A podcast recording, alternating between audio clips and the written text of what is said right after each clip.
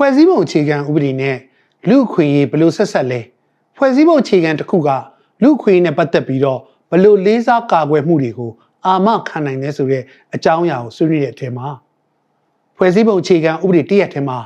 သဘောတဘာဝမတူညီတဲ့လူ့အခွင့်အရေးမျိုးစုံမှုကြည်ကြည်ပြန့်ပြန့်ထင်ဟပ်နိုင်တဲ့ပါဝင်နိုင်တဲ့အချက်ကလည်းအရေးကြီးတဲ့အချက်ဆိုတာဖော်ပြထားခဲ့တာဖြစ်ပါတယ် အခုတခါမတူခွဲပြတဲ့လူခွေရေးသဘောတဘာဝမတူတဲ့လူခွေရေးတွေမှာမှနိုင်ငံရေးဆိုင်ရာအခွင့်အရေး political rights ဆိုတဲ့အကြောင်းအရာနဲ့ဖွဲ့စည်းပုံအခြေခံဥပဒေအတွင်းမှာ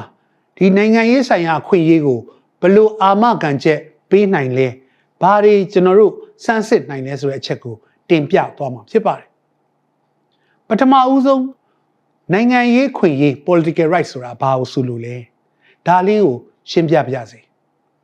political rights ဆိုတဲ့ဟာကတော့လူအများနဲ့သက်ဆိုင်တဲ့ဆုံးဖြတ်ချက်တွေကိုချမှတ်တဲ့နေရာမှာပြည်သူလူထုကပါဝင်ပိုင်ခွင့်ရှိရမယ်ဒီပါဝင်နိုင်ခွင့်ရှိဖို့အတွက်လိုအပ်တဲ့ဥပဒေတွေပြဋ္ဌာန်းပေးတာ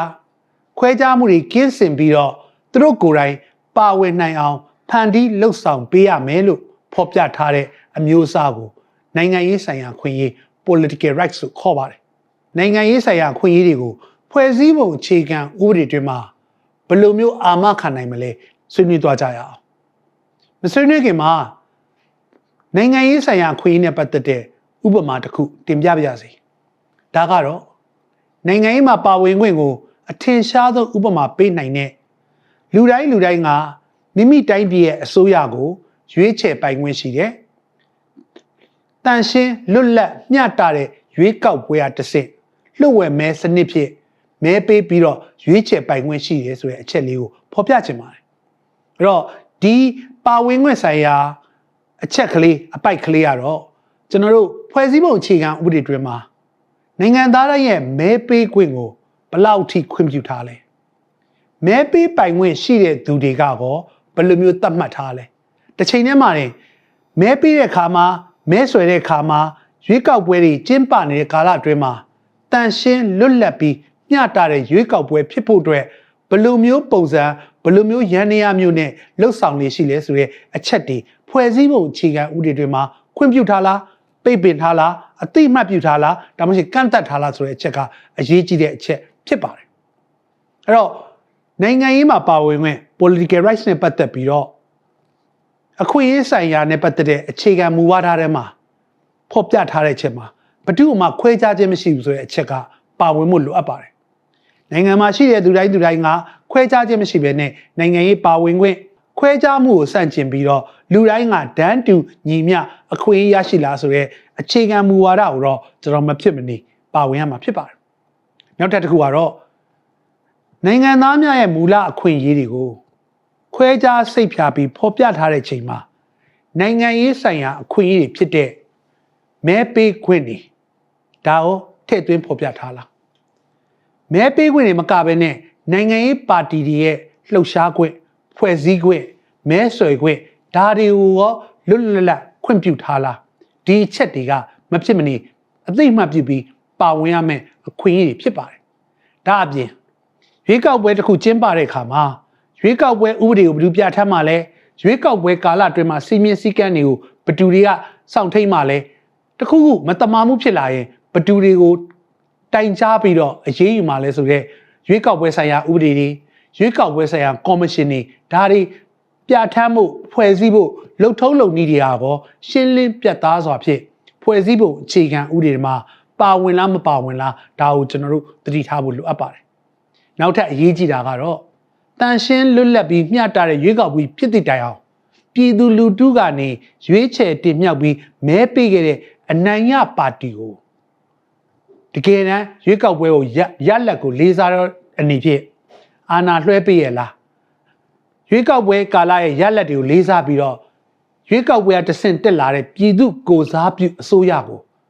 အာဏာတွေလွှဲပေးတဲ့လုပ်ငန်းစဉ်ဖြစ်လာရင်ဘယ်လိုမျိုးတားဆီးမလဲဆိုတဲ့အချက်တွေကဖွဲ့စည်းပုံအခြေခံဥပဒေမှာအာမခံထားတဲ့အပိုက်တွေဖြစ်ဖို့လိုအပ်ပါတယ်။ဒါကြောင့်မလို့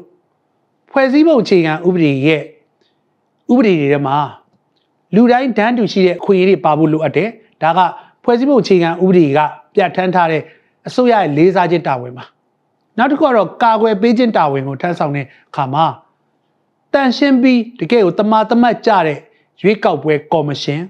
သို့မဟုတ်ခွဲခြားမှုမရှိတဲ့ရွေးကောက်ပွဲဆိုင်ရာဥပဒေတွေကိုပြဋ္ဌာန်းခွင့်ရွေးချယ်ခွင့်ဒါနဲ့ပတ်သက်တော့လှုပ်ဆောင်ခွင့်တွေဖွဲ့စည်းပုံအခြေခံဥပဒေမှာပါဝင်ရပါလိမ့်မယ်ဒါအပြင် ဖွဲ့စည်းပုံအခြေခံဥပဒေအတွင်းမှာနိုင်ငံတကာကရွေးကောက်ပွဲတမာတမတ်ရှိလားမရှိလားမဲဝယ်မှုမဲလိမ်မှုမရှိလားအတင်းအကျပ်ဆန္ဒပြုတ်ပြီးတော့မတမာမှုတွေရှိလားဆိုတဲ့အချက်တွေကိုစမ်းစစ်နိုင်မဲ့နိုင်ငံတကာရွေးကောက်ပွဲစောင့်ကြည့်ရေးအဖွဲ့တွေကိုခွင့်ပြုတဲ့ဥဥပဒေတွေပါဝင်ရပါလိမ့်မယ်အပိုက်တွေပါဝင်ရပါလိမ့်မယ်နောက်တစ်ခုကတော့ရွေးကောက်ပွဲတွေမှာမတမာမှုဖြစ်လာလို့ရှိရင်ရွေးကောက်ပွဲဥပဒေကအခြေခံပြီးတော့ ရွေးကောက်ပွဲကော်မရှင်ကနေထိုက်တဲ့သလိုအရေးယူဆောင်ရွက်မှုတွေကိုဖွဲ့စည်းပုံအခြေခံဥပဒေမှာဖော်ပြထားပြီးလုပ်ပိုင်ခွင့်တွေပေးရပါလိမ့်မယ်။တစ်ချိန်တည်းမှာရင်ရွေးကောက်ပွဲနဲ့ပတ်သက်လို့စောင့်ကြည့်တဲ့လုပ်ငန်းတွေကိုအားပေးတာရွေးကောက်ပွဲစောင့်ကြည့်ရေးကိစ္စလှုပ်ဆောင်နေတဲ့ CSO NGO များကိုအားပေးတာရွေးကောက်ပွဲအတွင်းမှာသူတို့တွေရဲ့အခမ်းကဏ္ဍတွေကိုပါဝင်ခွင့်ပြုတာ ဒါအပြင်တကယ်ရွေးကောက်ပွဲကတမန်တမတ်ဖြစ်တယ်ဆိုတာကိုကမ္ဘာနိုင်ငံတွေကမ္ဘာသတင်းမီဒီယာတွေလေ့လာခွင့်ပြုအောင်အဲ့ဒီအပိုင်းနေရာလဲဖွဲ့စည်းပုံအခြေခံဥပဒေမှာကျွန်တော်တို့ဖော်ပြပြီးတော့ရွေးကောက်တင်မြှောက်ခြင်းဆိုင်ရာဆိုတဲ့အပိုက်မှာဖော်ပြထားဖို့လိုအပ်ပါတယ်။ဒါကြောင့်မလို့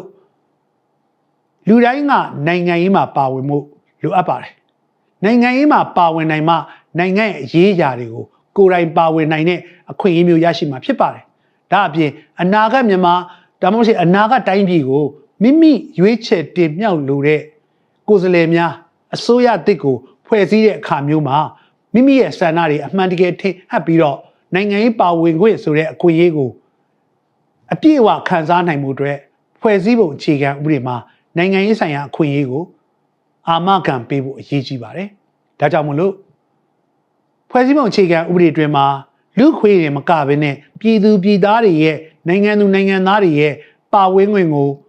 အာမခံပေးသောဒါတွေဖြစ်လာဖို့အတွက်လှုပ်ဆောင်ခွင့်ပေးသောဒါတွေတွေကိုတိဆောက်နိုင်မှုအတွက်ရန်နေရမှတိဆောက်ပေးသောအကြောင်းအရာတစ်ခုဟာမဖြစ်မနေလိုအပ်သောအကြောင်းအရာတစ်ခုဖြစ်ပါတယ်ခင်ဗျာ